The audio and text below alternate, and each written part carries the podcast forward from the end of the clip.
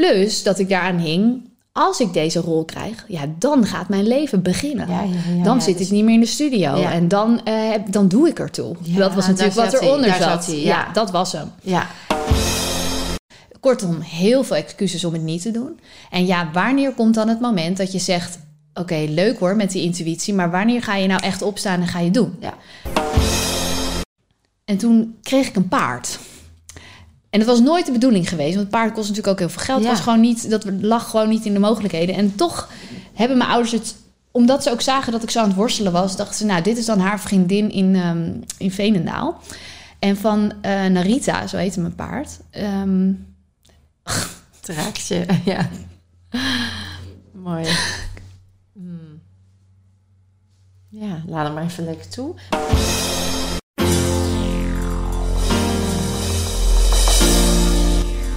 Welkom, dit is de podcast To Master Your Life nummer 197.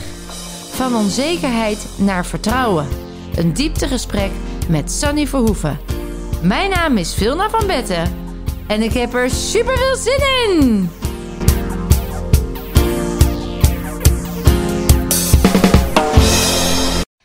Ja, hallo lieve dames en mensen. Ik heb vandaag een hele bijzondere gast. Namelijk eh Sunny. Zoekt geluk, Sunny. en eh Sunny is enorm eh, bijzonder voor mij omdat zij eigenlijk haar hart volgt. En dat zijn, ehm, ja, heel veel mensen willen dat en doen dat niet. Dus ik zou eigenlijk heel graag vandaag met jou, Sunny, ook willen vragen hoe dat bij jou zo is gekomen. En wat maakt dat jij zo goed en dicht bij je hart kan staan. Want we zaten in het voorgesprekje, hadden we over heel mooi contact. En ik merkte meteen dat je echt vanuit je hart reageert. Dus eh, welkom, fijn dat je er bent. Dankjewel. Ja, leuk, leuk echt. om dit te doen zo samen. Heel leuk. En eh, ik heb net een mooie mindset pla- planner van je ontvangen. Dank je wel daarvoor. Waarin allemaal hele leuke, ik had er even zitten kijken. eh, ja, echt inspirerende quotes staan. Maar ook wat ma- maakt jouw dag geweldig. Dus echt gericht op de focus op wat er goed gaat. Reflectiemomentjes. Dus naast de planner ook echt een zelfbewustzijnsmodel eh, zit erin. Ja, ik wilde een boek eh, maken eerst, maar toen dacht ik, ik wil eigenlijk iets wat mensen dagelijks gebruiken. Hè? Want je herkent natuurlijk wel, we weten eh, inmiddels allemaal wel hoe het werkt met bewustzijn, maar hoe ben je elke dag weer aligned? Welke rituelen heb je nodig? Dus zo Ja. kwam ik op het idee om bij een dagelijks ding, een agenda, al die vraagjes of, en of video's te- erbij te zetten. Om weer even te denken, oh ja, waar ben ik vandaag nou dankbaar voor? Of wat gaat er goed? Of wat mag ik meer doen? Ja, echt Dus zo is die ontstaan En gebruik je hem zelf ook? Jazeker, ja. ja, het is, ik heb echt, eh, ik ben van nature niet per se heel erg aan plannen. Ik ben meer een soort eh, hele creatieve chaot, zou ik willen zeggen. Als in, ik, ik denk wel heel gestructureerd. Maar qua plannen, ja, dat is echt een ander verhaal. Maar toen werd ik op een gegeven moment moeder. En toen bleef ik maar al die leuke dingen doen. En, het, en ik moest gewoon s'nachts het inhalen. En ik zat vroeger, voor de kinderen, zat ik nog wel eens in het weekend... gewoon mijn werk in te halen, te editen. Echt letterlijk soms wel s'nachts. Met mijn vlogs bijvoorbeeld. Ging ik nog na het uitgaan, kwam ik vier uur s'nachts thuis. Ging ik nog even een vlog uploaden. Oh omdat God. die altijd op zondag live gaat. Maar eh, ik moest wel leren plannen. En toen heb ik me heel erg verdiept, nog meer in productiviteit. En heel erg in mijn eigen uitstelgedrag. Van hè, waar komt dat vandaan? En dat ben ik eigenlijk heel erg al gaan teachen in onze online programma's. Maar die planner had ik helemaal nog niet gemaakt. En toen dacht ik, ja, weet je, dit is zo. eh, dit is gewoon iets wat rust geeft en ga, rust brengt in de chaos. Dus Mooi. ik gebruik hem vooral om, eh, ja, om, om te kijken of het allemaal gaat lukken. Wat ik allemaal Want was jij dan ook een optimistische planner? Dus iemand... Ja, ja, ja, ja. ja, ik ben een hele optimistische. Mijn grootste, eh, hoe zeg je dat? Hack in productiviteit is geweest. Eh, dat ik op een gegeven moment eh, ben, want ik kwam nooit uit. Nee. En toen ben ik gaan bijhouden. Wat, hoe lang doe je over bepaalde dingen? Oh, dus ik ja. moest letterlijk twee eh, weken lang elk dingetje wat ik deed, op een dag ging ik opschrijven hoe lang doe ik erover. En dan hebben we het over van plassen tot tandenpoetsen. Nou, niet tot... dat. Oh ja, sorry. Het ging vooral over werk. Maar wel ook over lunchen. Want dat nam natuurlijk meer tijd in beslag. Ja. Of bijvoorbeeld als ik, ik zeg maar wat kleding nodig had. Of voor een event waar ik moest spreken. Dan in mijn hoofd is dat een uurtje dat ik even naar het winkelcentrum ga. Maar soms ben je langer bezig, moet je het ergens lenen, whatever. Oh ja, of ik Dus- haal wel even iets leuks bij het winkelcentrum. Ik plan het ertussen door, maar dan blijf je een halve dag kwijt te zijn. Zoiets. Ja, Nou, ja. Heel veel dingen had ik eh, niet goed eh, helder. En, maar het ging vooral om mijn werktaken. Bijvoorbeeld een YouTube-video uploaden. In mijn hoofd duurde dat 10 minuten. Want je drukt op de knop, je sleept het bestandje erin en je doet een titeltje. Ja. Maar in werkelijkheid deed ik er een uur over. Want je moet een titel bedenken waar mensen op klikken. Je moet een thumbnail bedenken, Een thumbnail het allerbelangrijkste. De thumbnail is natuurlijk de foto. Wat, Ja. waar, wat vertelt wat je doet. Nou, dan moet je nog een beschrijvende tekst. Als je dat goed doet, dan wordt je video wel gevonden op YouTube. Ja. Anyways, ik was daar een uur mee bezig. En toen ik eh, dat eenmaal door had, hoe la- hoeveel langer ik over alles deed, toen kwam er een soort van methode uit van, oh, je kan eigenlijk maar drie grote doelen per maand stellen, eh, drie, eh, zeg maar drie doelen, grote doelen per week, drie doelen per dag. Heel en goed. al, als je tijd overhoudt, kan je altijd meer doen. Ja, dan, Maar ja. of je neemt gewoon even rust. Ook lekker. Dat is, staat overal. Van Ja. neem, eh, neem rust, neem op rust. Is, dat is ook voor mij heel belangrijk geweest. Want ik kan altijd maar doordenderen. ja. Maar wil ik mijn werk goed doen? En het geldt natuurlijk ook voor jou. Je echte werk doe je vanuit dat opgeladen zijn. Absoluut. Dan kun je ontvangen, dan kun je downloaden. Eh, maar als je alleen maar doorraast, ben je gewoon helemaal niet in verbinding met Nee. jezelf. Nee. Nee, dus ook dat soort reminders staan erin. En, en eh, rust nemen mag ik nu doen zonder schuldgevoel. ja. Nou, die herken ik ook heel Ja. sterk. Ik dacht eerst het werk afmaken. En als er dan nog tijd over is, misschien. Hè, Ja. dan neem ik wel rust. Ja. Ik heb echt mezelf aangeleerd. Eigenlijk ook wel een beetje met... Maar ik deed dan die planner in toen nog maar... Toen mijn eh, papieren agenda. En dan maakte ik afspraken met mezelf. Dus, eh, want ik, voor klanten maakte ik dan altijd tijd. Deed ik nog één op één. En dacht ik, oh, ik kan eigenlijk niet. Of dan komen de kinderen uit school. Maar dan ging ik helemaal aan aarde bewegen om die klant te bedienen. En uiteindelijk dacht ik, nee, ik ben gewoon beschikbaar tussen dan en dan. En als de klanten niet kunnen, dan is dat wat het is. Zij, hè, het is ook voor hun belangrijk, laten zij het ook prioriteren. En, eh, en dan zet ik gewoon kruisen in de agenda. Dat was dan afspraak met mezelf. En daar ging ik dan ah, lekker hardlopen of een boek lezen. Of op de bank zitten met een kopje thee. Of... En dat in het begin sloopt het er nog wel eens in dat ik dan dacht... Nou oké, doe die klant dan maar. Want dan heb, dan heb Ja. ik eigenlijk toch geen, dan heb ik niks te doen. ja, Maar later voelde ik echt nee, juist die me-time, die afspraak, waarom zou ik een afspraak met de ander belangrijker maken dan de afspraak met mezelf? Dus als ik dan schreef afspraak met Vilna, dan dacht ik, die is eigenlijk het allerbelangrijkste. En dat hielp mij heel erg om die balans eh, daarin te houden. mooi. Ja, ja. Super herkenbaar. Juist als het ook gaat over wa- wat maakt je gelukkig.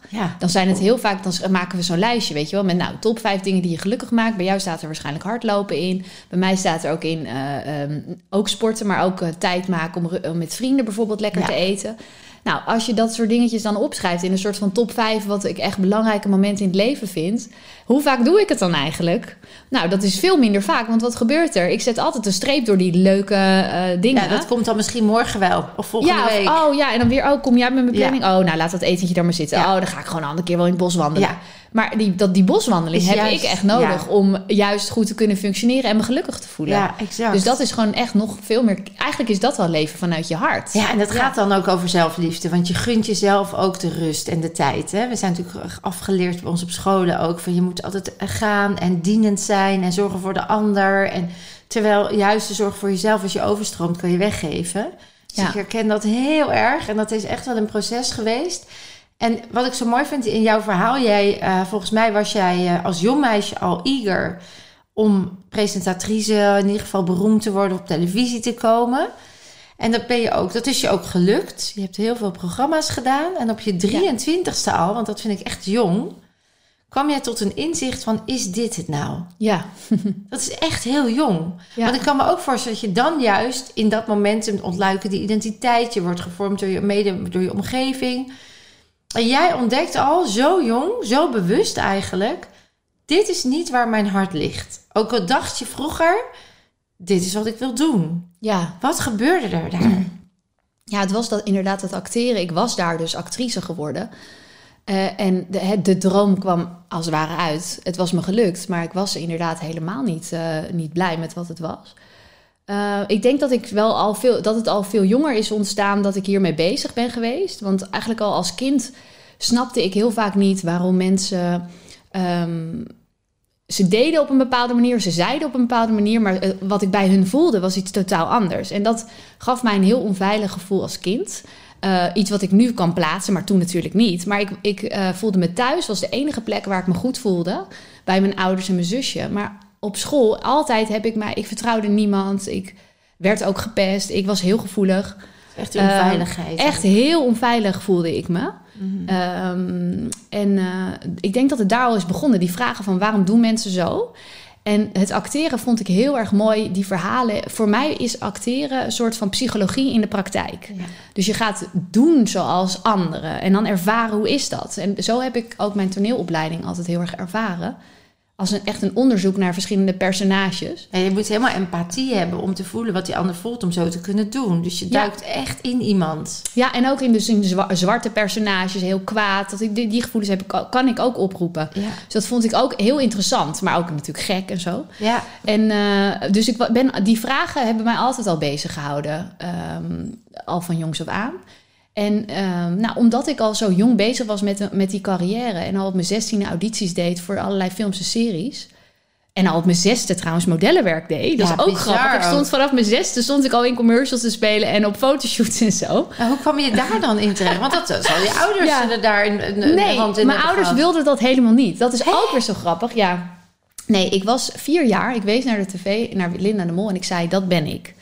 Nou, dus daar is het zeg maar, ik vond het gewoon geweldig, die shows. En dat zie ik nu ook in mijn dochter terug. Zij houdt ook echt van shows, weet je wel. Ja, ja. En ehm, ehm, het was zo dat mijn nichtjes, dat zijn eh, half, ze zijn half Nederlands, half, eh, half Indonesisch. En zij gingen modellenwerk doen, al echt vanaf baby af aan. Ze waren, wa- waren gescout, het was toen helemaal nieuw, weet je wel. Je zag toen nog niet, helemaal niet in de bladen, nog helemaal niet zoveel gekleurde mensen. En ehm, ik zei ook al heel snel, ik wil dat ook, mam. En dat mijn moeder zei, nou, nee, doen we niet. Dus dat, dat mocht niet. En ehm, op een gegeven moment, want ik zag dat, ik vond dat, ik, ik ging ook al die boekjes bewaren waar mijn nichtjes in stonden. Ik vond het helemaal geweldig. En op een gegeven moment eh, was ik zes jaar en toen, of vijf, en een half, zoiets. Toen vroeg ik, eh, mag ik een keer mee met eh Manouk, met mijn nichtje, naar zo'n shoot? Want ik wil dat zien, want ik vond het helemaal geweldig. En dat mocht. En toen kwam ik in contact met de vrouw van het casting of modellenbureau. En toen heb ik zelf gevraagd: mag ik ook model worden? Dus ik heb gewoon je hebt het gewoon gemanifesteerd. Ik zie mijn dochter nu, ik, als ik denk een kind van vijf, wow, dat is echt jong. Maar ik zie het mijn dochter ook vragen, Ja. zeg maar, bij wijze van Ja. spreken. Dus dat heb ik gevraagd. En ja, zij zei ja. En toen konden mijn ouders geen nee meer zeggen. Dus vanaf dat moment stond ik dan ingeschreven. En eh, deed ik heel af en toe. Het was helemaal niet super vaak. Maar ik vond dat geweldig. Je kon mij niet blijer maken dan dat die vrouw had gebeld. Sonny, we hebben een casting voor je. Dus die, dat, ja, Jij kwam daar ook dus thuis dan, gek genoeg. Eigenlijk zei, ik wel, me alleen ja. thuis bij mijn ouders. Maar nu hoor ik, er was dus nog een plek en dat was daar. Ja, ik denk toch wel ja, in de schijnwerpers. Ja. Eh, maar dat, ja, misschien ook omdat ik natuurlijk op school, et cetera, eh, een soort van onzichtbaar was. En in de schijnwerpers natuurlijk niet. Dus Dus daar, tegenkracht. het is absoluut, heeft dat met elkaar eh, Ja. te maken. Eh, en nou ja, goed. Dus zo ben ik verder op pad gegaan. En al vrij jong dus eh, aan het werk gegaan. Want op mijn negentiende presenteerde ik al voor schooltv. Ja. Eh, en, eh, en toen later andere programma's voor schooltv, maar allemaal heel jong. En toen kwam ik op een gegeven moment op dat punt van 23 en ik had al rollen gespeeld, ik had al tv-programma's gepresenteerd en ik had mijn opleiding gedaan. En ik dacht echt, nou weet je, ik woonde in Amsterdam ondertussen in een heel klein studiootje. Eh, maar ik woonde er wel. Dat is en ook knap, en hoor. ik dacht, Ja. Weet je, die had ik ook gemanifesteerd. was ook zo hilarisch. Zo, ik ik moet nu echt een huis hebben in Amsterdam. En binnen een week, ik heb altijd, dat is ook zo gek, maar al mijn huizen heb ik altijd binnen een week aangetrokken in Ja, Amsterdam. bizar. En zelfs dus nu in Loosdrecht. Maar, Ja. maar goed, dus ja, eh, toen stond ik daar. En ik merkte dat ehm, als je gevoelig bent, dan ben je ook... Ik ben ook heel analytisch. Dus ik kan heel goed zien wat werkt er. Wat zijn de rolpatronen hier? eh, wat willen mensen? En ik kan me daar heel goed naar schikken als een chameleon. Ja. Dus dat is aan de ene kant een kracht. Maar toen was het mijn grootste valkuil. Want ik zag alleen maar wat anderen beter deden. Al die andere actrices. En ehm, eh, als ik dan naar eh, audities ging... dan keek ik, oh, wie zit er nog meer? En wat doen zij? En ik wist van alles en iedereen wat ze deden. Ik kende de regisseur, zijn hele werk uit mijn hoofd. Dus ik was eigenlijk veel te goed voorbereid. En ik vergeleek mezelf natuurlijk met iedereen. Maar ik was alleen maar met de buitenkant bezig. En niet met mij. Wie ben ik? Wat is mijn talent? Weet je, dus altijd maar wat we dus op school leren met wat moet je nog kunnen? Wat kan er nog beter? Niet met wat, wat is mijn talent en hoe kan ik dat nou gaan vergroten? precies. En dat is eigenlijk wat ik daar, eh, waarom ik toen op een gegeven moment, ehm, ehm, ja, ik kreeg afwijzing na afwijzing. Het was echt, je, je moet je voorstellen, vaak voor rollen, voor films of voor series, daar ben je weken naartoe aan het leven. Hè? Dus je doet steeds een auditie, kom je weer een ronde verder. Oh, je hebt echt talent. Oh, wat goed, wat leuk. En je, je, je gaat steeds meer denken, oh, misschien krijg ik dit wel. Plus dat ik daaraan hing, als ik deze rol krijg, ja, dan gaat mijn leven beginnen. Ja, ja, ja, dan zit dus- ik niet meer in de studio. En dan, eh, dan doe ik ertoe. Dat was natuurlijk wat eronder zat. zat hij, ja. dat was hem. Ja, Ehm, dus, dus alles hing eigenlijk aan dat eindresultaat. En daarom faalde ik natuurlijk ook altijd bij de laatste auditie. Oh. Dus heel vaak werd ik tweede. Voor talloze films en series werd ik altijd maar, niet. altijd maar net Ja. niet. En dan zeiden ze wel, je hebt talent, dus ga vooral door. Ja, ga door. Maar je kunt je voorstellen, als je dat jaar in jaar uit doet... en altijd net naast de... Oppist. Precies, dan ja, zwakt er toch... Er dooft iets in je. Hmm. En ik ging dan ook nog eens een keer mezelf elke keer veranderen. Want de een zei, ja, je bent eh, veel te knap. Dus dan ging ik mezelf lelijker maken. Ja. Deed ik geen make-up meer op. En de ander Oh, zei, ja. je bent te blond en te licht. Nou, dan verfde, verfde ik mijn haar bruin. Dan deed ik zwarte make-up op, zwarte kleren aan. Een enorme vindtocht, als ik het zo hoor. Mega. Ja. Wie was ik nou? Geen idee, Nee. weet je wel. Eh, Dat was, dus ik was en mezelf kwijt als mens, maar als acteur ben je ook letterlijk elke dag een ander. Dus het was heel ingewikkeld. Ja. En toen, het, het, het omslagpunt was toen ik op een gegeven moment eh, ja, door Amsterdam liep te zwerven. En, eh, en daar eh, de grote Scheltema boekenwinkel zag. En die winkel die, die eh, zei echt, kom hier. Die riep jou. Ik werd geduwd, ik weet niet, het was mijn team aan spirits, I guess. Maar die zeiden echt, kom, let's go in. Dus ik ging naar binnen en ja, ik kende die winkel niet. Ik had ook helemaal geen geld, want ik leefde echt van 6 euro gemiddeld per dag. Ja. Dus ik kocht nooit boeken. En toen ging ik daar naar binnen en, en al snel zag ik dat bordje psy- psychologie, spiritualiteit. En daar, daar is begonnen. Daar ontdekte ik gewoon de hemel. Daar ontdekte ik de alle antwoorden. Ja, gewoon ja. al die boeken. Eckhart. Tolle, The Secret, Think and Grow Rich. Je kent het allemaal wel. Daar is voor mij mijn zoektocht naar geluk echt begonnen. En naar mezelf en mijn vindtocht. En vijf jaar later ben ik toen eh, mijn YouTube-kanaal gestart. Sarni zoekt geluk. Want in die vijf jaar heb je toen nog wel dat acteerwerk gedaan? Ja, ik ben nog. Nou, acteren heb ik op een gegeven moment wel losgelaten. Want dat was zo'n toxische wereld voor mij als sensitief mens. Ik vond het zo moeilijk om. Eh, enerzijds had ik natuurlijk afwijzingen, maar het ging ook heel vaak over. Er zijn natuurlijk veel mannen in die wereld. Ik vond het heel moeilijk om. Het was geen zuiver contact. En Nee. ik, ik gedij daar gewoon niet goed onder. Authenticiteit is voor mij heel belangrijk. En dat niemand is daar voor mijn gevoel. authentiek, Maar- nee. Nou, natuurlijk wel mensen. Maar voor mij, waar ik in zat, was het, het is letterlijk een gespeelde wereld. Letterlijk. Ja. Ja. het is heel erg fake it till you make it. Mm. En, eh, en toen, eh, toen kwam het presenteren gelukkig wel steeds meer op mijn pad. En het grappige was, op een gegeven moment heb ik echt gezegd tegen het universum... ik stop met acteren, ik ga nu presenteren. En vanaf dat moment kreeg ik de ene na de andere, andere aanbieding. Het werkt dus ook echt zo. Hè? Dat Ja, mo- mooi om het was horen. zo bizar. Dus Ja. daarom heb ik ook zo'n vertrouwen op het universum... en op alles Ja. komt uiteindelijk goed. Ja. Eh, en, en daar ben ik toen jarenlang nog lekker wel gaan, gaan presenteren. En hoe meer je natuurlijk bezig bent met persoonlijke ontwikkeling... hoe succesvoller je wordt. Ja. Dus dat ging heel goed eigenlijk. Ja. Ja. mooi dat je dat zegt. Hoe meer je bezig bent met persoonlijke ontwikkeling, hoe vrijer je raakt. Hoe meer je jezelf bent, hoe meer je uitstraalt, Straalt, hoe meer ja. energie je uitdraagt, hoe meer het naar je toe komt. Exact, werkt het ja, zo werkt het gewoon. Ja. Dus ja, dat, dat bleek heel goed eh, te werken. Maar ondertussen zag ik wel mijn leeftijdsgenoten...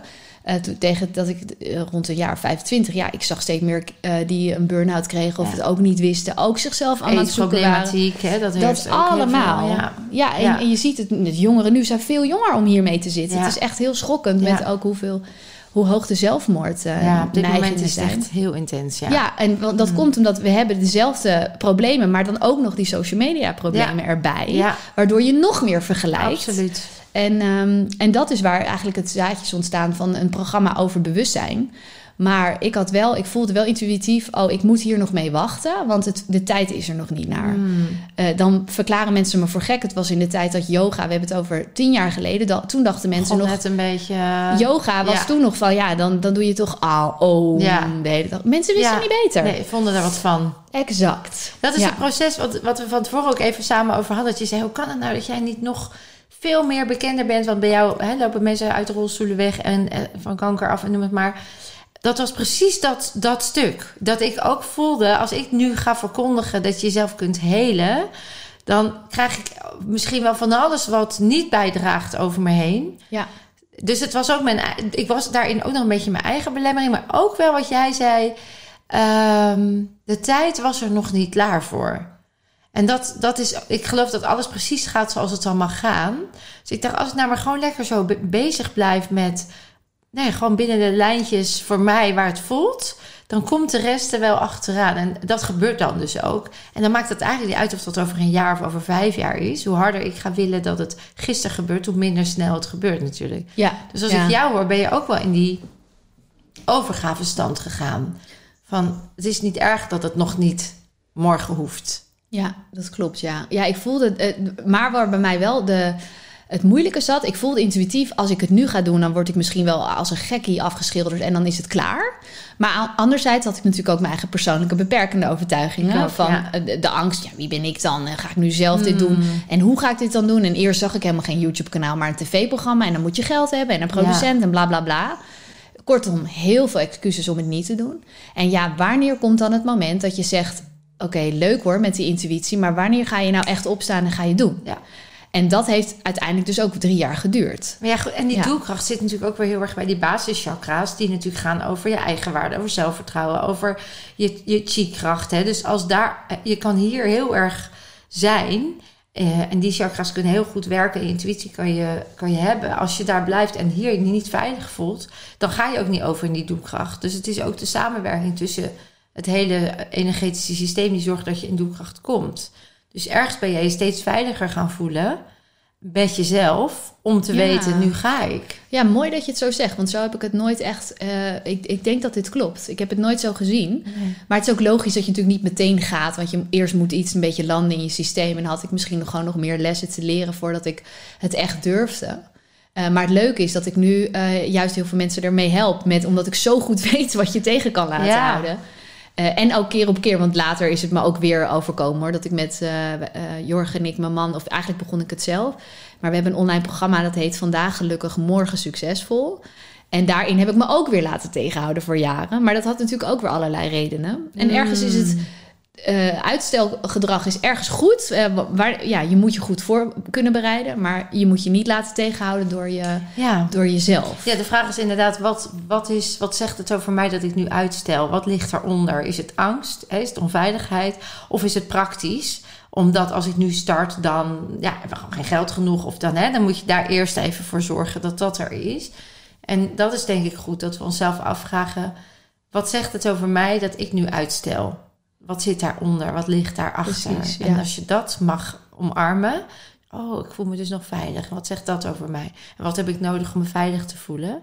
Dan hoeft het uitstelgedrag ook niet meer jou te beschermen. Nee, Dus dat is wel heel mooi. ja. Heel inspirerend. En zeker omdat je zo jong was. Ik doe 23. Ik denk dat ik nog helemaal niet...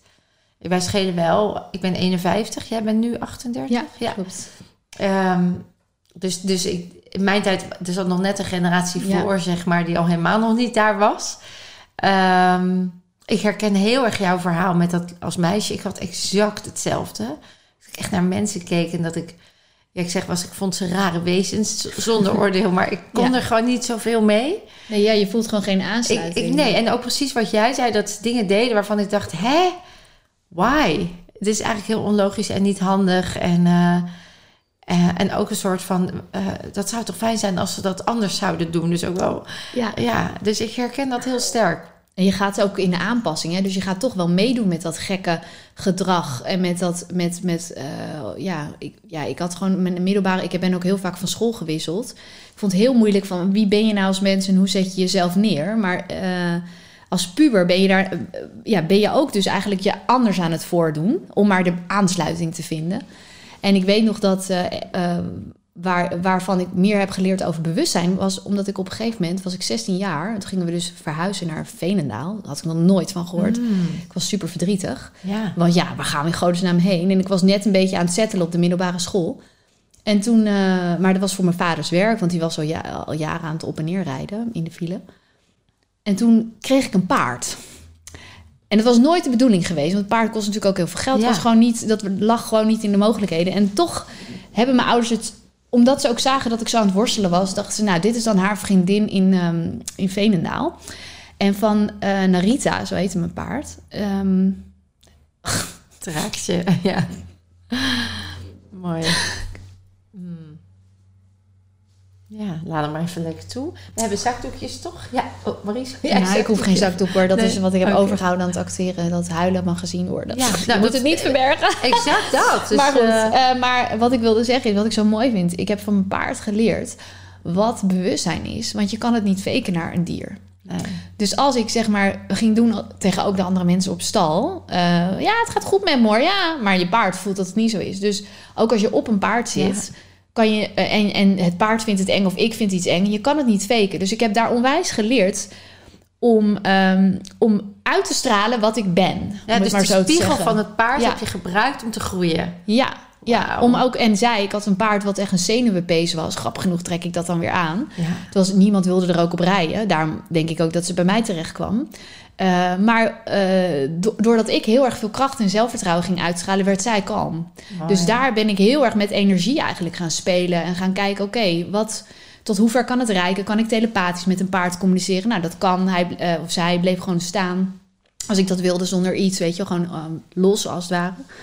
Dus, dus er zijn best wel wat momenten in mijn leven geweest dat ik denk, oh, ik kreeg eigenlijk al die lessen in bewustzijn, kreeg ik door verschillende dingen. Juist misschien wel in Ja. de, op de momenten dat jij zelf soms even het niet meer wist. Ja, En dan kwam er iets op je pad, waardoor je weer dat bewustzijn kreeg, een spiegel. En jij groeide dan daardoor. Je hebt het ook aangereikt. Je hebt het als cadeautjes gezien. nou zeker, ja. En dat vind Ja. ik wel echt heel gaaf. En daarna ben je eh, ook gaan zien, oh, dus ik kan dit. Dus je bent bijna door je paard ook weer in je grootheid gestapt. Exact, letterlijk. Hè? Dat is ook Ja. een van de manieren om een paard naar je te laten luisteren. Is door met je energie groot te zijn en met je houding letterlijk. Ja. Dus dat, eh, Ja, en dat is geen 16. kunstje. nee, is dat geen, kan ook dat niet kan niet, want een paard nee. gaat dan gewoon zeggen, nou bekijk het maar. Exact. Dus jij moest, moest en moet het niks, maar dit moest, jij moest in die grootheid komen. Dat wil het paard jou leren. ja, Van, ga maar daar staan ja. en laat het maar zien. ja, precies. Ja. En leeft je, leeft je paard nog? nee, niet meer. Ah. Nee. Ja, want dat Ja. zal wel een heel bijzondere band geweest zijn. Nou, zeker. Daar moet ik, moest ik net ook Ja. huilen. Omdat het echt voelde als, ehm, ja, als mijn beste vriendin en Ja. mijn kind tegelijk. Alles, ja, het heeft je zoveel gebracht. Ja. Ja, en hoe, hoe, oud- hoe lang zijn jullie samen? Heeft, die, heeft je paard een stukje met je mee mogen wandelen? Hoe lang? Ehm, nou, ik heb er later wel eh, aan iemand anders verkocht. Omdat ik toen mijn leven nog niet kon beginnen met haar, zeg maar. Maar Ja. ik, is, ja, ik weet niet, ik heb er zeven jaar gehad of zo, zoiets. Mooi. Ja, ja, ja, dieren zijn ook zo Ja. helend. En daarmee kom je ook weer in het nu natuurlijk. Want dat is uiteindelijk waar het over gaat. Denk ik. Ja. Eh, gewoon beseffen dat. Ik denk, ik vind het allerbelangrijkste wat ik wil uitdragen naar mensen. Is beseffen dat je al zoveel hebt. Ja, Je moet het alleen even weer onthouden. En Weer, mag, oh ja, je mag ja. het weer ontdekken. Je mag de deklaag eraf halen. Ontdekken, ja. Mooi woord, hè? geweldig. Ontdekken. Ontdekken. Haal de deklaag er maar af Ja. en haal, ga lekker die grootheid weer. Zoveel mensen hebben moeite met grootheid. Want doe maar gewoon, doen we al gek genoeg. Bescheidenheid siert de mens. Calvinisme zit in ons drinkwater. Dus we hebben heel erg hard werken voor weinig. Dus om die grootheid te omarmen. En daarnaast nog hè, die onveilige hechting. Want in het Westen zijn we gewoon meestal onveilig gehecht. Omdat we, als je kijkt naar tribes en stammen. dan zie je dat kinderen in slendangs meegenomen worden. Hè. Die, die, die blijven heel erg in. in tot het de energie van hun ouders. ja, of van hun moeder Van de moeder. Ja. En ook de veiligheid nog daar. Want wij zijn het enige zoogdier wat ontzettend lang nodig heeft om weer zelfredzaam te zijn. 26 jaar is en dan zijn onze hersenen pas uitgegroeid. Dus Zo die- laat pas? Dat zo wist ik lang, niet eens. ja. Ik dacht wel iets eerder. Nee joh, die prefrontale cortex is op je 26e pas klaar. En dan hoop je dat die zo gestimuleerd is dat je aan impulsbeheersing, eh, zelfreflectie, em- empathie en zo kan doen. Want als die niet goed doorontwikkeld is door drank en drugs, wat veelal in de puberteit gebeurt, dan zie je dat dat ook nog een heel groot stuk is waardoor mensen niet goed kunnen socialiseren, niet kunnen zelfreflecteren. Dus daar, daar is gewoon heel veel begeleiding bij nodig. En onze systemen dragen daar niet echt aan bij. Hè? Een babytje als hij geboren wordt, ik heb laatst contact gehad met een bosjesman. Ik noem het een bosjesman. Hij Wat het- is een bosjesman? Ja, dat is een man die is geweldig. Die woont, is, die, die woont nu in Nederland. Hij komt uit Suriname, uit het oerwoud. Hij is nu in Nederland. Hij doet allemaal woeshi-woeshi dingen, zeg maar. Maar eh, die staat nog zo dicht bij de natuur. En hij zegt, ik heb een geboorte... eh, recht gekregen van geboortegift. Zijn zus en broers hebben het niet. Hij is dus ook het, ja, hij wordt ook gezien als het wonderkind of. eh, En hij kan dus het oerwoud ingaan en dan weet hij precies dat is medicinaal, dat werkt daarvoor. Dat, dus hij staat nog, Wow. ja, Dan heb je zo'n sterke intuïtie. Wauw. Ja. En hij, eh, ik ben met hem in contact omdat ik mega interessant vind. Ik ga ook naar Suriname. Ik wil, dat, ik wil echt kijken, wat, wat is dat en wat gebeurt daar? Nou, daar heb ik hem gevraagd of hij daar een stukje in bij, bij, bij wil dragen, mee wil lopen. Dus dat gaan we ongetwijfeld binnenkort doen. En hij eh, vertelde mij dat... Wat bijvoorbeeld mensen niet weten, is 1 op de 7 is geboren met een tweelingziel. Dat kunnen ze nu steeds meer ontdekken, omdat we vanaf vijf weken al echo's kunnen maken. Dus dan zie je lege eicelletjes of lege eh, hulsjes. En eh, dat betekent dat als jij op de wereld komt en je was een van een tweelingziel, Wacht even hoor. Dus je ziet in de echo... ja, zie je, Je een ziet een gevulde eicel en een lege ernaast hangen. Ja. Dat is ook grappig. Ik heb hier gisteren nog een gesprek over gehad. Echt? Ja. Nou, dat is niet toevallig. Nee, dat vind ik ook niet toevallig. Nee, en als mensen dan, er is een heel mooi boekje over van, eh, eh, ik wou dat ik twee hondjes was, zo heet dat boekje. En als je dat leest en je bent, ik ben dus een van de tweeling waarvan mijn broertje los heeft gelaten. Daar ben ik dus later afgekomen. Kan het zoveel verklaren? Ik had altijd heimwee. Ik voelde me alleen op de wereld. Ik, vond dus, ik begreep de mensen niet. Eh, ik voelde me verraden en had heel veel verdriet en angsten. Nooit gerelateerd aan het feit dat ik daar in de steek gelaten was en dat niet begrepen had. En toen ik dus geboren werd en heel veel heimwee en echt eh, ja, veel angstig, angstig meisje. Niet bang voor heel. Ik ging wel uitdagingen aan, maar echt angstig als het ging over verlaten. Hè? Dus als, Ja. ik voelde me ook alleen maar veilig thuis. En ehm, ik durfde zelfs eens bij mijn oma te slapen. Tot mijn zeventiende was dat.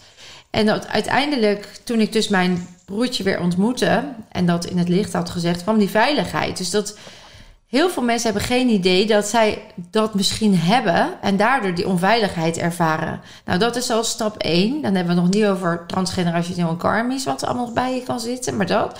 En dan word je geboren. Dan worden wij gewoon, eh, hup, navelstreng door... in het licht Ja. op de weegschaal. Totaal niet hoe het hoort, hè, zeg Nee, maar. en vooral dat apart slapen op die kamer. Daar heb ik toch Dat. zoveel over nagedacht. Ja. Dat, dat mijn moeder bijvoorbeeld... Ja, dat was het gewoon die hele andere generatie. Maar oh nee hoor, we legden jou gewoon op je kamer. en we lieten je huilen. Hey, nou, ik weet niet We of ze me je liet longen huilen, staan. maar Nou ik heb nooit maar mijn tussenin generatie- geslapen. En Nee. inderdaad, af van mijn schoonmoeder heb ik wel eens gehoord... van lieten we gewoon huilen. Want dan hadden ze gezegd, daar worden je Ja. longen sterk van. Terwijl er is geen moeder op aarde, dat weet jij ook... die intuïtief dat huiltje niet herkent. Nee. Je weet gewoon, nu heeft ze me nodig. Nu heeft hij of zij eten nodig. Nu heeft hij een poeplui. Nu heeft ze aan de tandjes. Dat weten we gewoon. Ja, ja, ja. En alles, ik krijg er kippenvel van. Dat gaat tegen die gut in. Dat je dan denkt, oké, het is goed voor de longen, is goed voor de longen. Dat moet een gevecht geweest zijn. Ja, en nou, zeker als je net bent bevallen als vrouw, ben je zo, sta je zo open, Open. je bent zo intuïtief. En dan leer je daar eigenlijk om je intuïtie niet te vertrouwen. Hè? Dat. Dat. is het. Ja. Ik heb nog steeds, als mijn dochter komt nu toevallig weer de hele s'nachts uit bed. Echt Ja. super fijn nog. Ja. Ze is vijf. Maar ra- het rare is, zij komt naar beneden. En eh, vlak voordat ze naar beneden komt, want ik slaap trouwens beneden, anders snappen Ja. mensen niet. Ja, En zij slaapt boven. ehm, dan eh, word ik al wakker. ja je weet Dat het. is zo raar. Dus ik ben wakker. Ik denk, waarom ben ik wakker? En op, daar komt ze dan even later aangelopen. Ja, Dat, is gewoon een, dat voel je. Zo goed Nou, ben je verbonden. Dat, precies dat. En dat doorbreken we eigenlijk al vrij snel na de geboorte. Dus we zien al een onthechting. Want een kindje, dat weten we ook, als het op je borst ligt, het eerste wat ze doen is je in de ziel aankijken. ja. Dus ga je echt aan liggen staren om zielsverbinding te maken. Nou, als een moeder nog ergens een zielsverstrikking heeft of een ziel dat gekwetst is, dan zal ze op dat punt geen verbinding kunnen maken. Dan liggen daar de lessen tussen de moeder en, do- en dochter of zoon. Als we dat niet zo zien, dan gaan we ook niet leren. Hè? Dan het is altijd je spiegel van je ziel. Nou, dan als die verbinding dus ook al niet optimaal wordt gemaakt en dan gaat een kind al heel vrij jong eh, wordt het apart gelegd? Eh, wordt het, laten we het huilen? Naar de peuterspeelzaal. Onderzoek toont aan dat juist homogene groepen eh, niet versterken van de hechting en de veiligheid. ja, je bedoelt met de verschillende leeftijden. Ja, homogeen is, Ja. met, is juist dezelfde leeftijd. Oh, wel, en dat- heterogene zijn dus de meerdere leeftijdsgroepen. Nou, En het is dus niet goed om... Van, waarom is dat dan niet nou, goed? omdat ze zeiden, vroeger dacht men, nou, dan gaan ze goed socialiseren met gelijkgestemden. Maar als je kijkt naar de oertijd en de, de, de tribes, dan wordt een kind dus heel lang met Slenda overal mee naartoe genomen met mama. Dat is die Ja. En ondertussen, waar het niet bij mama is, is de tribe, oom, tante, buurvrouw, nicht, neef, even oud. Zusjes, soms Zusjes. broers. Ja. Allemaal voeden ze jou op hoe het leven werkt. Met alle kennis word je wijzer. Niet alleen maar van diezelfde. Nee. Eigenlijk groei je daar niet Nee. door. Dus je ziet een soort rare ontwikkeling dat we dachten als ze allemaal bij elkaar stoppen, dan gaan ze socialiseren. Nou, wat toont dat onderzoek nou aan? Dat kinderen die homeschooling hebben gehad, dus veilig gehecht zijn en op zichzelf durven vertrouwen, omdat ze zich veilig voelen, dus een authentieke ik durven te zijn, die zien we later, als ze dan wel na die veilige hechting naar buiten treden, die socialiseren makkelijk, die zitten vol zelfvertrouwen, die zijn zelfredzaam. En de kinderen die op school juist te maken krijgen met prestatiedrang, afwijzing, pesten en alles wat niet past bij authentieke ik-ontwikkeling, die zien we dus later struggelen. Hmm. En dat zien we nu steeds meer, dat er de twee basisbehoeften, de wiring in ons systeem is dus hechting en, en veiligheid. Daar alles wat, daar kunnen we niet omheen, dat doen we automatisch, gaan we daar naar op zoek. Ja. En daarom zijn zoveel mensen nu dus op zoek naar geluk en gezondheid. Omdat we dat allemaal gewoon niet hebben gehad. Niemand is Ja. veilig gehecht eigenlijk Nee. in het Westen. Je hebt, je Ja. kan, en ik dacht, oh, ik heb echt een heel veilig thuis gehad. Want ik bof met mijn ouders, nog steeds, die leven nog. En tegelijkertijd waren er in mijn gezin ook trauma's weer van mijn ouders... die ik als onveilig heb ervaren. Ja. Een grillige moeder die eh, in één keer kon snappen... Ja, dat was hartstikke onveilig. En ik leerde daardoor ook het ligt aan mij. Ik ga haar nu pleasen. Dus ik ging fanen. Sommigen gaan freezen, fighten, flighten. Ik ging fanen. Dat is eh bevriend, bevriend worden met de, de enemy, zeg maar. Mhm. Dus ik ging pleaser gedrag laten zien. Want dan hoopte ik dat zij weer rustig werd. Dus mijn authentieke waarheid spreken en zeggen wat het met mij deed. En mijn emoties toelaten. Ja, dat, daar was, ik nee. Nee, dat was dan niet, niet veilig. Want eerst moest mama weer rustig worden. Heeft ze dat expres gedaan? Wel nee, Nee. helemaal niet. Ik zeg nee, maar ik, heb haar, ik, ik hou van haar nu eh, nog meer dan ooit. Hè. Ik ben in liefde en vergeving. Ik snap wel de patronen. En ik zag ook waar ik vandaan kwam. En dat heeft bij mij geresulteerd in bewijsdrang en eh, prestatiegericht. En eh, heel erg die mannelijke energie, wilskracht. En maar gaan. Ja, herkenbaar. Herkenbaar, hè? Ja. ja. Maar dat is ook dat hele mannelijke waar we volgens mij eh, sowieso allemaal wel heel erg in hebben gezeten. Ja. Het doelen stellen. Het, ik begin nu pas ook te leren. Ik ben nu sinds een jaar bezig met die hele eh, kijken naar onze cyclus als vrouw. Hoe Ja. interessant het is dat we gewoon helemaal niet zoals de man een potje energie hebben aan het begin van de dag en aan het eind van de dag is het op. En de volgende dag begin je gewoon Weer opnieuw opnieuw. met een pot energie. Ja. Nee hoor. Je, eh, als, eh, ik heb dus ook namelijk best wel PMS en, en rond die dagen.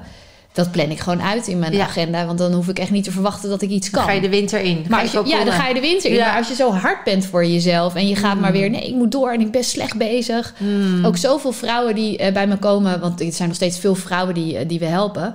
Maar die dan zeggen, ja, hoe kan het toch dat ik de ene moment dan eh, heb ik, voel ik het helemaal, ik ga dit doen, yes. Ja. En dan een week later ben ik zo onzeker. En dan zeg ik gewoon, Hormonen. had je al even naar je cyclus gekeken? Ja. Oh, Ja. denk ik, wauw. Ja. Dat is ook zo bizar dat het eigenlijk nu pas echt in opkomst begint te komen. Dat dat, dat ook zo bepalend is voor je geluksgevoel en voor je productiviteit. Ja, ik vind het eigenlijk juist heel logisch dat het nu komt. Het is bizar. Ja, want het is het vrouwelijke waar we Exact, inkomen. Ja, ja, ja. Exact. Alles. Hè, de, de energie van de aarde gaat omhoog. De vrouwelijke onderdrukking gaat, gaat nu los licht, aan het licht komen. Dus die collectieve celgeheugens van de vrouwen die worden wakker. Dus vrouwen denken, ik ga me niet nog langer laten onderdrukken. Eh, hoe, weet ik nog niet. Het voelt in ieder geval. We durven veel meer in de flow te zijn. We, we verbinden. Vrouwen verbinden nu. Ja. Ik weet dat ik in 2000, weet ik veel, heel lang geleden... de eerste keer naar UPW ging in, eh, met Tony Robbins. En ik weet nog toen, ik, ik heb dat ook wel eens tegen mensen gezegd... Ik, er waren alleen maar mannen op dat podium, gepantserde mannen, brrr, een mindset. En, en ik zat daar en ik dacht, want ik wist toen al dat ik dit wilde doen. En ik dacht, daar moet gewoon een vrouw tussen staan. Dit is totaal uit verhouding. En toen heb ik een briefje geschreven aan Tony. Ja, het is echt heel schattig. En toen ben ik naar voren gerend. Want ik zat natuurlijk helemaal eh goedkoopste ja. tickets ja. achter in de zaal. En toen ben ik met dat briefje naar voren gerend. Toen kwam er zo'n bewaker voor me staan. Want ik mocht natuurlijk helemaal niet nee. dichtbij komen. En hij zei, what are you doing? En ik zei, I want to give this to Tony. En hij zei van, uh, oh nou... Um, uh, dat is not possible. En toen zei ik, nou, can you give it to him? Weet je wel? Dus ik nog met mijn telefoonnummer er ook bij. Zo schattig eigenlijk. En um, ik, hij zal dat nooit gekregen hebben. Maar dat was toen al een inzicht van... als vrouw staan we gewoon... hebben we gewoon... Ik had gewoon een, een tough road. Ik, om mezelf daar neer te zetten. Het was heel normaal als je als man daar stond. En als vrouw was er gewoon een andere weg.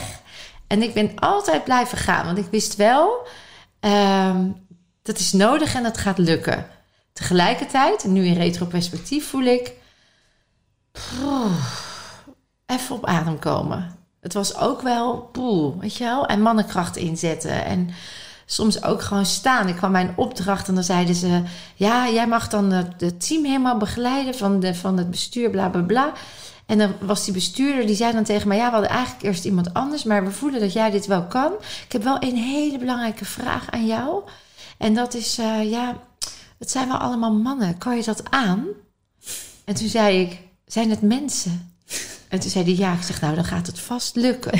He, dus Ja. toch even weer dat, Toch dat verschil weer. Hè? dat Ja. rempeltje alsof een vrouw dan... Hè, en, en ook met, toen ik, ik ben eh, ooit, eh, ik ben op de basisschool eh, vanuit mijn orthopedagogiek begonnen. En ehm, toen werd ik gevraagd als directeur op een basisschool dus of ik daar in het management wilde zijn. En we hadden net twee kindjes. En eh, ik dacht, ja, oké, dat wil ik. Ik wil alleen wel ook moeder zijn. Dus ik wil dan maximaal vier dagen per week. Dat is een hele bewuste keuze. Dus dat had ik ook afgedwongen in het sollicitatiegesprek. Dus ik was aangenomen. En eh, dus dat vertelde ik aan mensen om me heen. Van ja, ehm, echt superleuk. En ik ga daar, daar en daar. in. zou je dat nou wat doen? Je bent toch net moeder? En eh, dat kan toch allemaal niet? Dus ik zou je die vraag nu ook aan mijn man stellen.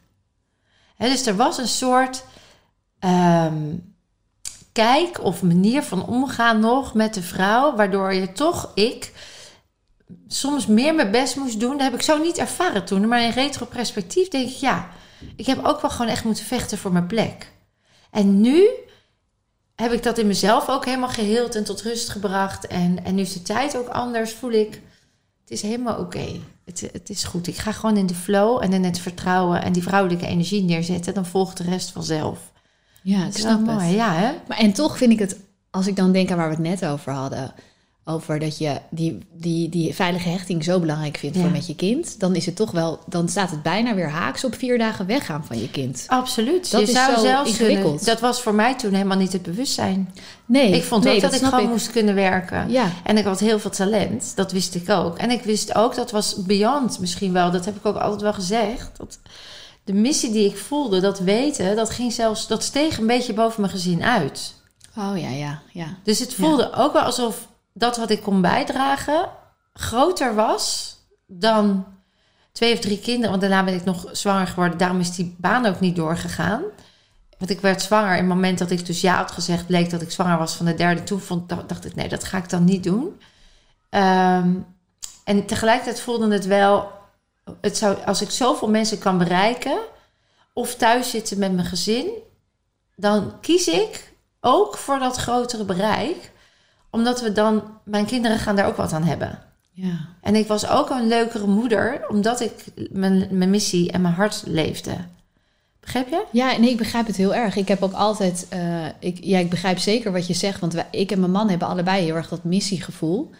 En ook, want ik werk dus echt wel veel, maar ik voel, het voelt heel vaak niet als werk. Ja, dat herken ik. Maar als je er technisch gezien naar kijkt, ja, oh ja, s'avonds klap ik weer even mijn laptop open. Ik ben altijd aan het lezen, ik ben Ja. altijd aan het nadenken over teksten voor Instagram, ik zeg Ja. maar wat. Of aan bezig met hoe kan je nog verder weer inspireren. Ehm, dus ik herken het wel, maar vooral dat grootste, wat ik zo grappig vind, dat heb jij volgens mij ook. Dat heb ik ook. Ik wist altijd, ik wil een heel groot publiek bereiken. Ja. Dus het was meteen, ik moet op tv, het moet op YouTube. Ik ga niet één op één sessies doen met mensen, want het moet veel. Ja, En dat vind ik zo apart. Ja. Want ik, eh, het schuurde natuurlijk aan alle kanten. Want Ja. veel vind ik ook doodeng. En, en nog steeds ben ik elke keer, en dat herken jij misschien ook... als je het hebt over je grootsheid... ik weet dat ik nog veel groter ga groeien. Mhm. Qua, ook qua wat ik ga doen. Alleen ik voel, het moet echt stapje voor stapje. ja. Dus ik kan, In dat helemaal, flow. ik kan dat helemaal niet aan, omdat Nee. in één keer... Dus, maar het is zo gek, want omdat ik die potentie al heb gezien en gevoeld... voelt het soort van, ja, maar eh, moet dat niet dan nu al? Ja, ja, Van, ik moet daar toch naartoe? ja ik denk dat je? ik daar een beetje doorheen ben. Ik Ja. herken het heel sterk. Maar hoe ben je daar dan mee omgegaan? Want ik, nou oké, ik weet wel, nee, het is wel een overgave trouwens voor mij. eh, van alles komt echt op zijn eigen tijd. Dat tijd, dat weet ik. Eh, jawel, dat weet ik wel trouwens. Jawel. Ik denk dat je jezelf daar gewoon af en toe nog aan mag herinneren. Ja, ik denk het ook. Want ik, mijn mantra is, ik heb alle tijd van de wereld. En het gaat precies zoals het mag gaan. Da- dat is een hele Een lekker goeie. mantra. Ja, ja, En die ja. zeg ik gewoon iedere dag opnieuw. En als het dus niet gaat zoals het moet, dan, ga, dan Ja. moet het zoals het gaat. En die kennen we ook. Ja. Dus ik kan ook heel erg berusten in dat ik het vandaag niet af heb.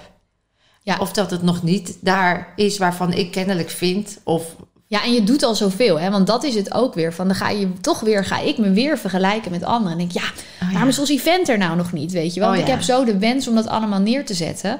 Maar ik weet ook gewoon, ik moet me maar focussen op één project tegelijk. Dus ik parkeer het heel Hmm. bewust. Zo, dat hebben we dus ook met onze podcast. Die microfoons, voor eh, ik doe samen met Jorg, mijn man, een podcast. We zijn net begonnen met de opnames. Maar die microfoons hebben we vijf jaar geleden gekocht. Die zijn Oh, ja. al zo oud geworden dat we inmiddels nieuwe, Nieuwe. hebben moeten kopen. maar dat, dat voelt op zich wel fijn dat we, dat we het dan heel bewust in de, in de kast zetten. En Ja. het komt dan wel een Nou, keer. dat is ook mooi. Ja, maar toch blijft Ja, ergens in mij dat... dat hallo. Nou, het is nog het conflict in jezelf, hè? dat representeert zich. Dus de ene kan nog die prachtige Sunny die, die al heel erg in de flow, in de rust, in de liefde en alles wat komt gaat en gaat komt. En de Sunny die ook nog vanuit die basisonveiligheid een stukje nog aan het helen is en nog moet en, en, en in wil. die yang in de energie in de van yang go, go, energie. go, go, go. Omdat ze nog Before wil laten- late. Dat. Hè, omdat het nog moet. Omdat anders, wie ben ik anders nog? Dus er zit, je bent gewoon dat stuk nu steeds meer aan het helen. Ja, dat is wel grappig. Wie ben ik anders nog? Die heb ik heel lang gevoeld, net na de kinderen. Dus toen, ik heb twee kinderen in één jaar gekregen, dus Ja, dat is super wauw. heftig. Ja. En gewoon hoppatee, meteen weer een. Laat het allemaal gelijk goed En, doen. en om het nog drukker te maken, hebben we ook meteen ons eerste programma gelanceerd in die tijd. Natuurlijk. Midden in corona, alles tegelijk gemaakt. Het werd ook nog een succes. Maar heel druk. Ja. En toen had ik wel eh, op een gegeven moment, dan ga je dat zo jaar in jaar uit, hebben we dat gedaan. En we gaan het bin- binnenkort ook weer starten. Maar wel gevoeld, oh, ik moet met iets nieuws komen. Want wie ben je dan nog? En weet je wel, Ja, die, moet doorgaan. Je en moet dat is echt blijven- van buitenaf. Je moet maar jezelf blijven uitvinden. Ja, dat hoor, hoor ik ook veel van artiesten, hè, die dan, of, of eh, eh, zangers, die dan dus een hit hebben gehad. En dan moet je altijd weer voldoen aan next level. Want ja, dan Ja. heb je eenmaal die hit, dus dan wordt er heel veel van je verwacht. Dus die verwachtingen die we onszelf opleggen door Ja. dan te denken, anders voldoe ik niet. Die mag je lower your expectations, zeg ik altijd. Heb gewoon geen verwachtingen. En voel wat voor jou de volgende stap is. En dat is zo lekker als je dat steeds meer kan omarmen en eh, in rust kan blijven. En joh, het is ook oké als het nog anders loopt, weet je. Dus het is heel... Het loopt precies zoals het mag gaan. Ja. Ik heb zoveel misschien wel meegemaakt. Eh, ongeluk van mijn man, bijna mijn man verloren. Ik ben zelf bijna dood geweest. Eh, weet je, er zijn zoveel dingen waarvan ik zou kunnen zeggen... Ja, weet je, eh, lekker boeien eigenlijk. Waar maken we ons druk om? Exact, ja. ja, Ik denk dat dat mij wel helpt. Ja. Ook. ja, dat zeg ik ook dagelijks tegen Ja. Jorg. Van, we kunnen ons dus super druk maken om dingen. Hè. Het gaat maar gewoon Druk te over werk. mezelf. En dan zie je weer hoe het bij anderen gaat. En mensen met ziektes. En dan denk je, Ja. oh, wat hebben we toch goed. het goed. En daarom kan ik dus ook echt letterlijk alles weer laten vallen uit mijn handen. En gewoon zeggen, Ja. kom, we gaan varen. Nou, dat. Want dat is wel het allerbelangrijkste om toch te blijven beseffen. Elke dag, hoe kan ik het meeste uit de dag halen? En hoe kan ik ja, me gewoon zo goed mogelijk Ja, weet je wat zo leuk is? Tijdens die vaartocht, waar je lekker ontspannen bent, quality time hebt met je gezin, daar komen ook weer de ideeën om daarna weer te zeggen: Oh, nou heb ik weer energie voor die missie. Dus het is eigenlijk Werk. weer. Nou ja, een soort van Nou ja, ik voorbereidend kan werk. nergens ja. zijn. Ik weet niet hoe jij dat ervaart, maar ik kan dus nergens komen of zijn. Zonder dat ik ideeën of oh, dat ik, oh dat is leuk voor tijdens dit event of oh dat ga ik kopen want dat ziet er gezellig uit of dat is gewoon zo in Dat mijn zit in je systeem, systeem. en ik hou ervan. Het Ja. voelt dus ook niet als werk. Nee, dat is de, ik, ik ben echt een creator. Ik ben toevallig net ook een paar dagen naar Ibiza gegaan. Want daar is die energie zo hoog. Ja. Als ik daar ben, hoef ik amper te slapen. En ik heb, word helemaal overladen Ja. met inspiratie. En dat, dat schrijf ik allemaal in notebookjes Oh ja, op. prima. zo. Dat komt wel een maar keer. dat is gewoon letterlijk een soort bad wat ik neem. Heerlijk. Dat, heb, herken ik zeker. Ja. Creatiebad. Ja, ja. Een creatiebad. Ja. En heb je inmiddels je geluk helemaal gevonden? Want jij, je, Sunny zoekt geluk. Ik dacht, in de kracht van taal zou het nog sterker zijn als er zou staan Sunny vindt geluk. Nou, daar heb ik grappig... Ik wist dat je dit ging zeggen. Oh, wat goed. Want eh, ja, Sunny vindt geluk. Daar gaat niemand naar kijken. Is dat zo? ik zou daar naar kijken. Nou, Hoe kijk, ja, weet je, ik heb eh, heel erg gespeeld natuurlijk met mijn naam. Want ik wilde dat sowieso dat mijn naam. ja, dit was eigenlijk de titel gewoon van mijn programma. Ik ben dus tien jaar. We bestaan ook nu net tien jaar. Ach, grappig. Of gefeliciteerd we, trouwens. het programma. Jubileum. Ja, mijn jubileum. Maar ehm, ik, eh, ik ga wel langzaam van die naam afbewegen. Ook omdat mensen me letterlijk Sunny zoekt geluk noemen. Dus Ja. dan is het, hey, Sunny zoekt geluk, hoe gaat het? Dit is Sunny zoekt geluk. Ja. Weet je wel, dat, dat, ja, dat ben ik echt Nee. ontgroeid. Alleen, je blijft natuurlijk wel altijd zoeken naar een nieuwe balans. Mm. Elke fase in je leven weer. Dus in die zin klopt het wel. Ja, ik voel dat anders. Mag het? Eh, Mag ja, ja, ja. Ik vind niet dat ik op zoektocht ben. Ik vind echt... Op ik-. Het is er al. Dus ja, ik ja, vind ja het. zeker. Het is er al. Nee, maar dat herken Ja. ik. Dus daarom ga ik die naam ook eh, droppen. Ja. Het is nu gewoon Sunny.nl bijvoorbeeld. het wordt gewoon Sunny. Maar ik heb lang zitten spelen met... Oh, Sunny brengt geluk. Sunny vindt geluk. Sunny's geluk. Dacht ik, ja, maar dat gaat alleen maar over Mensen mij. gaan zich herkennen in zoeken. Nou, dat. En het het. is wel, ik heb er wel heel eh, bewust over nagedacht dat als je ergens dat naampje ziet, dat je denkt, hm, wat is dat? En dat is wat ik ermee eh, wilde beginnen. En dat heeft iets. geholpen. Ja. Maar het, Ja. Is, het is inderdaad wel een beetje verjaard. Dus nou, na het is, tien jaar... het is mooi als je nu na tien jaar dan opnieuw zo een herijking doet. En zegt, dat, dat voelt niet meer, dat past niet meer. Ja. En eh, nou, ik heb nog een leuk onderdeel in de podcast. Dat is veelzijdig. Oh. En dan ga ik je keuzestress geven. Dus ik Heerlijk. ga je twee, eh, twee eh, ja, uitersten geven of wat op elkaar lijkt. Mag jij voelen. En het eerste in je opkomt, dat, dat antwoordje. Kunnen we later nog even op terugkomen als, dat, als je zegt, ja, ik toch iets over zeggen. Zullen we gewoon doen? Ja, tuurlijk. Missie of doel? Missie, Fixen of heling? heling, Hoogsensitief of overprikkeld? hoogsensitief, Aards of multidimensionaal?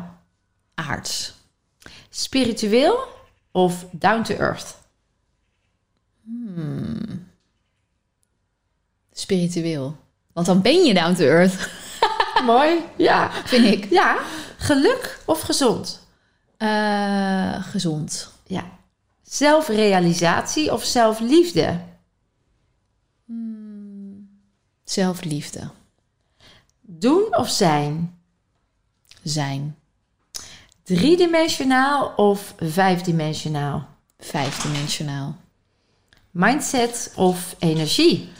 energie, Man of vrouw? vrouw, Zweethut of ijsbad?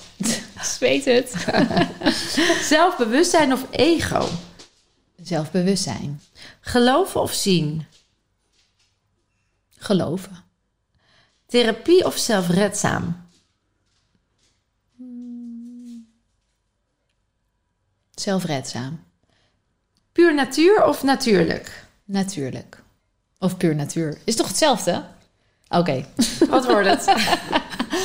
Eh, natuurlijk. ja, hij het blijft uitdagend deze. Eh, Het is maar net wat je ermee associeert. Natuurlijk, gaan we zo op terugkomen.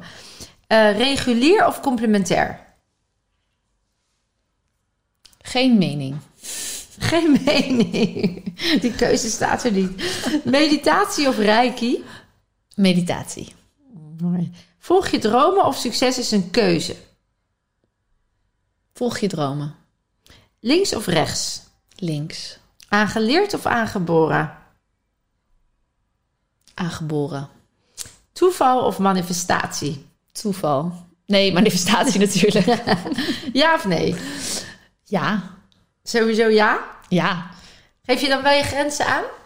Niet altijd. Nee, Nee. daar zit nog een dingetje. Dan. Ehm, op werkgebied geef ik heel goed mijn grenzen aan. Dat kan ik echt wel zeggen. Ik heb ook allemaal mensen voor me werken die me daarbij helpen. Dus, dus dat is heel fijn. Dat is echt mijn baken. Ehm, naar mijn kinderen toe laat ik af en toe nog wel. Dat gaat ook echt, dat is heel erg aan het verbeteren. Maar ik heb echt wel jarenlang over me heen laten lopen door mijn kinderen. Ja, want waar, wat is de grens letterlijk? Ja. Je doet alles voor ze, maar wanneer is het too much? Dus, Ja. dus ik moet zeggen, ik zit daar absoluut nog in een, in een journey. Maar het gaat echt wel heel erg de goede kant op. En ik, ik kan het nu, ze zijn nu op een leeftijd 4 en 5, dat ik het ook echt kan aangeven. Ja. Dat ik echt letterlijk kan zeggen: Ik snap dat je dit wilt, maar dit is voor mij nu even te veel. Dus Ja. dit ga ik nu niet doen. Ja. En ik wil het heel graag, maar En ik ga voel het je niet dan doen. schuldig? Nee, Nee. Nee, dus daar dan- zit je nu, daar ben daar je ben, al. ik, daar ben ik wel echt. Ja. ja. Ja, de vraag die natuurlijk altijd fijn is, is wat levert het op? Dus als ik iets nu nee zeg tegen de kinderen, wat levert het op lange termijn op? En als ik ja zeg, wat levert dat op lange termijn op? Dat heeft mij altijd heel erg geholpen. Om toch dan de grenzen aan te geven. En over die eigen grenzen ook te bewaken. En dat heeft me ook wel geholpen dat ik voor de klas stond. En dan eh, eh, soms dan hè, al die kinderen die allemaal aandacht. En dan had ik gewoon een soort moment dat ik even niet er was voor de kinderen. Dan zei ik van, nou, nu moeten jullie even zelf aan de slag. Ja. En dan had ik zo'n bordje op mijn, op, mijn, op mijn bureau, weet je, rood of groen of zo. Wat supergoed. Ja, dat was heel Nou, slim. dit is echt een toptip. Toptip. Zoveel, eh, Ja. wij coachen ook heel veel docenten. En die zeggen ook altijd, "Pff, hoe moet ik mezelf, voor mezelf zorgen op zo'n dag... waar je de hele dag maar moet... Zo. Ja, Dan sta ik even uit en daar zeg ik eigenlijk tegen de kinderen: ik vertrouw dat jij het zelf kan. Ja, En als er vragen zijn, dan bewaar je ze en strakjes ben ik weer available. En als ik dat dan een paar keer per dag deed, dan hield ik A voor mezelf de balans. En B leerden de kinderen ook zelf oplossingen te ja want bedenken. dat is, daar heb ik het nu veel met mijn kinderen ook over. Want ze vinden het, eh, mijn oudste dochter vindt het vooral ve- veel druk. En dan zeg ik ook, oké, eh, hoe geef je het dan aan dat je rust wil? Wat ga je dan doen? Waar ga je heen? Ja. Weet je wel? Dat, is gelukkig wel steeds meer normaal. Ze zitten dan wel op een vrije school, dus Oh daar eh, zijn ze wel veel meer bezig met zijn dan met doen. Ja, Eh, maar het is wel goed dat daar steeds meer aandacht voor is. heel mooi. Ja. En ze ziet natuurlijk, hè, eh, life is copy-paste, dus monkey see, monkey do. Dus ook jij zal, wat je zegt, die grens, daar kan, daar kan Ja. zij ook niet leren ook zelf die grens aan te geven. Dus hoe meer jij dat doet, ook met een bordje op je deur, mama zit nu op kantoor, ben even uit. Of, Ja, hè, en, ook als ze ruzie hebben, dan... eh, dan zei ik ook, mama, hij doet dit of zij doet dat. En dan zei ik, oké, jullie gaan allebei nu even in die ruimte. En over tien minuten hoor ik de oplossing. Dus ik ging het niet voor ze oplossen. Ik liet ze zelf leren. redzaam zijn. Ja, Ja, hoe kun je daarmee omgaan? En dan kwamen de meest briljante oplossingen. En ja leuk is dat, hè? Superleuk Ja, om te dat doen. is wel echt een goeie, ja. Want wij zeggen inderdaad ook veel, eh, veel- vaak... eh, nu begint dat kibbelen een beetje te komen. Maar ja. dat we echt zeggen, los het samen maar Ja. op. En dat is zoveel makkelijker dan ertussen springen. Zeker. En daar leren Ja. ze ook zichzelf mee kennen. En ook samen onderhandelen. En samen elkaar in een sociaal patroon met elkaar omgaan. Dus het is eigenlijk een ten gunste van alles. Dus leuk. Ja. Ik zag nog even... ehm, even kijken, ook was er eentje. Ik dacht, oh ja. Mm, ja, regulier of complementair, daar laat je het niet over nou, uit? meer van die woorden die eh, resoneren niet met mij. Beide ze- hebben geen betekenis voor mij. Oké. Dus vandaar, Nee. dat is niet... eh, nee. Nee, en links of rechts? Links meteen. Ja, gewoon ja, linker eh, creatief, linker hersenhelft. Dat dacht ik al, energie, spiritueel. Vrouwelijk. Ja, Ah, mooi. ja. Nou, we hebben nog een, eh, een leuk rubriekje, dat is Dr. Phil. dus ik, als ik jou een reset zou mogen geven, je zou bij mij komen en jij zegt Phil, ik merk dat ik toch daar, dat, dat, dat dingetje dat blijft. Of dat, eh, nou, we hebben eigenlijk net al twee kleine stukjes hè, van een stukje grens aangeven in de thuissituatie. Of eh, je gaf aan toch een beetje nog van tussen in de flow en, en een beetje willen gaan, hè, dat Mhm. ongeduld. Eh, maar zeg je, zou je, wat zou je dan, als jij, als jij gecoacht zou kunnen worden nu daarop, wat zou je dan zeggen? Nou, dat zou ik echt fijn vinden als daar een reset op zou zijn. Dat dat uit mijn celgeheugen is. Ja, dat zou echt enorm fijn zijn. Dat zou nog een optimalisatie zijn. Hmm, wat een moeilijke vraag. Nou, wat ik denk namelijk nu wel aan. Eh, oh ja, er gaat nu van alles door me Ja? heen. Van, Oh, oh ja, maar hier, nou, oké, hier ben ik al goed op weg. Dus Oh, zo ja. heb ik, ja, heb ik dokter veel niet voor nodig. Als in, dat gaat al goed. Maar ik denk nu wel meer aan wat er net gebeurde voor dit eh, gesprek. Eh, dat waar we het over hadden, dat mijn, jouw energie ontmoet mijn energie. En ik, wat ik altijd heel erg heb, is dat het dan gaat resoneren en dat het dat gaat tintelen, dat ik kippenvel krijg, dat ik tranen krijg, weet je wel, die- in die herkenning. Maar wat zou, hoe zou ik dat nou moeitelozer. Ik weet niet of nu de kijk, luisteraars mij volgen, maar hoe kan ik daar moeitelozer in zijn? Of meer op vertrouwen? Of waar, waar zit het hem in? Dus ik zal heel even nog kort zeggen Ja. wat er net gebeurde. Wat ik altijd heb is eh, met mijn gevoeligheid... dat als ik eigenlijk als ik een ziel echt als ziel ontmoet... zoals net met jou... dan eh, heb ik allerlei sensaties waardoor ik dat voel en jou voel. En Maar dat ik ook altijd heel vaak tranen krijg... omdat het gewoon een soort hartopener is. Ja. Maar hoe kan ik mezelf... Het is vaak een beetje... ehm, ja, toch een beetje gênant dat ik dan tranen krijg. En- voor anderen, voor mezelf niet. Ja. Want wat maakt het dan gênant? Nou, gewoon meer dat ik dan voel eh, dat zij in de war raken. Ja. Dus dan vind ik dat irritant. Begrijp Ja, je? Het is Oh, ruis op de lijn. Dus je Maar zegt, het is meer van die tranen. eh, eh, zouden die tranen ook weg kunnen blijven? Omdat het gewoon bij mij meer stroomt. Dat er meer gemak in komt in het voelen naar. Want ik denk soms dat ik. Ik hou eh, mijn aura vaak nog wel klein of dichtbij. Omdat ik zo gevoelig ben dat ik het dan. Ik denk dat dat een ook soort is. bescherming. Ja, nou ja, ik weet Nou, niet. is Nou, dit goed. is Als ik- een vaag stukje Ja, waar ik niet zoveel van Nou, snap. ik ga, dus even, ik ga, je, ik ga je teachen. Nou, tenminste, wat ik voel en wat ik nu... Als ik je goed begrijp, zeg je... eh, ik kan, als ik, zodra ik afgestemd ben met iemand... soms ook geraakt worden als het resoneert. Ja. En als het me raakt, dan komen er om, gewoon tranen... en dat kan ik niet tegenhouden. Nee, dus voor mij is het het signaal van, oh, het klopt. Of, eh, Exact. Ja, ja. En dan weet jij, samen met je kippenvel... dit resoneert, het klopt. Het Ja. maakt contact met mijn hart. ja. En dan krijg je tranen. Niet altijd, maar wel Dat soms. vaak. Ja, en dan ja, ja. gebeurt het je dat tegelijkertijd vind je dat uitdagend omdat de ander dan in verwarring kan raken. Ja, Dus wat ik het goed ja samen? dat klopt. Ja. En wat maakt het dat jij het uitdagend vindt dat de ander in verwarring? Wat zegt dat over jou? Oh ja, dat zegt dat ik ze, eh, ik wil anderen comfortabel laten zijn. Dus dat ze niet zo, eh, dat, dat ze gewoon eh, ease zijn. Ja. En wat moet je geloven over jezelf om een ander comfortabel te laten zijn? ja, dat als ik zelf gewoon comfortabel ben, dan zijn zij het ook. Oké, dus wat geloof je dan over jezelf? Eh, Want je zegt, als ik dus... even denken. comfortabel Ja, in zo'n moment word ik zelf ook oncomfortabel, omdat het me toch overvalt. Maar stel dat zij oncomfortabel blijven. Ja. Stel dat dat zo is, wat dan nog? Ja, boeien, je zij zijn zij en ik ben ik. Dat is je ratio. Ja, ja. Maar daaronder, wat dan nog? Ehm, Wat is dan het ergste wat er kan gebeuren als zij zich oncomfortabel voelen? Want je hebt ooit... erv- oh, afwijzing. Kijk, daar Ja. zit hij. Ja, waar En- ik zoveel mee te maken heb gehad. Snap Ja, je? Ja, ja. Dus daar zit nog pijn. ja, ja, En ja, het tranen die zomaar vloeien, eigenlijk waarvan je ook voelt, het, gaat bijna, het is bijna te snel en te veel. Ja. Dat noemen ze ook wel nieren die overstromen. En nieren die overstromen, die staan voor angst. Twee nieren, dus altijd in relatie met een ander. En je hebt het ook altijd in relatie met een ander. ja. En je hebt natuurlijk zoveel... Nou, soms wel met de natuur ook. Maar goed, dat is... dat is eh, ook een ander. Ja, dat is ook, een, ander, andere ja, energie. Ja, ja Hè, klopt. dus met Ja. jezelf kun je hem heel goed reguleren, ben je veilig. Mhm. En met een ander kan de verwarring misschien wel tot afwijzing leiden. Als het heel diep in je celgeheugen graaft, Ja. dan ligt daar nog een stukje. Dus waar je vroeger als jong meisje poging hebt gedaan om te verbinden, konden ze je gewoon in één keer laten vallen. Of ze deden ineens iets heel onaardigs of heel lelijks. Dus er was geen betrouwbaarheid in relatie met mensen. Ja. En dat kan je dus als het nu heel dichtbij komt, want je zegt letterlijk als het mijn hart raakt, Ja. komt het zo dichtbij dat je voelt dat het klopt en tegelijkertijd kom je ook zo dichtbij die pijn. Dus het ligt heel nauw bij elkaar. Ja. En nu is, want je moest wel ook op je hoede zijn hè, als je in zo'n onveilige setting zit.